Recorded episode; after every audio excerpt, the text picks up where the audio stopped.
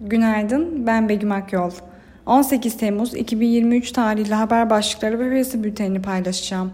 2 yılda 81 milyar dolar zarar açıklayan Çinli konut şirketi Evergrande borçlarını yapılandırmaya çalışıyor.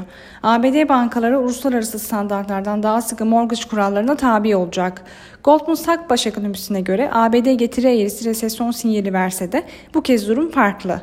Suudi Arabistan'la anlaşmalar imzalanmasının ardından Erdoğan, Körfez turuna Katar'da devam edecek. Piyasalara genel olarak bakacak olursak pay piyasalarında kademeli normalleşme döneminde bir süre daha devam edecek negatif reel faiz politikasının kısa vadede BIST'i desteklemeye devam edeceğini düşünüyoruz.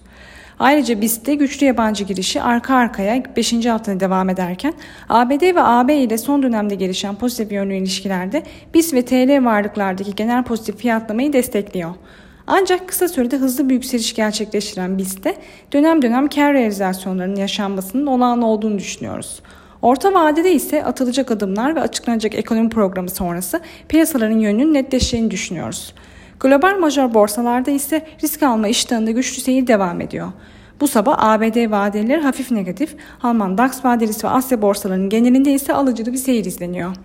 Teknik analiz verilerine bakacak olursak, Gün içinde 6480 ve altın gerileme alım fırsatı, 6730 ve üzerine yükseliş ise kar satış fırsatı olarak takip edilebilir. Viyop tarafında ise gün için long pozisyonlar için 7370, short pozisyonlar için ise 7560 zarar kes seviyesi olarak izlenebilir. Borsa İstanbul'un ve endeks kontratının güne pozitif eğilimle başlamasını bekliyoruz.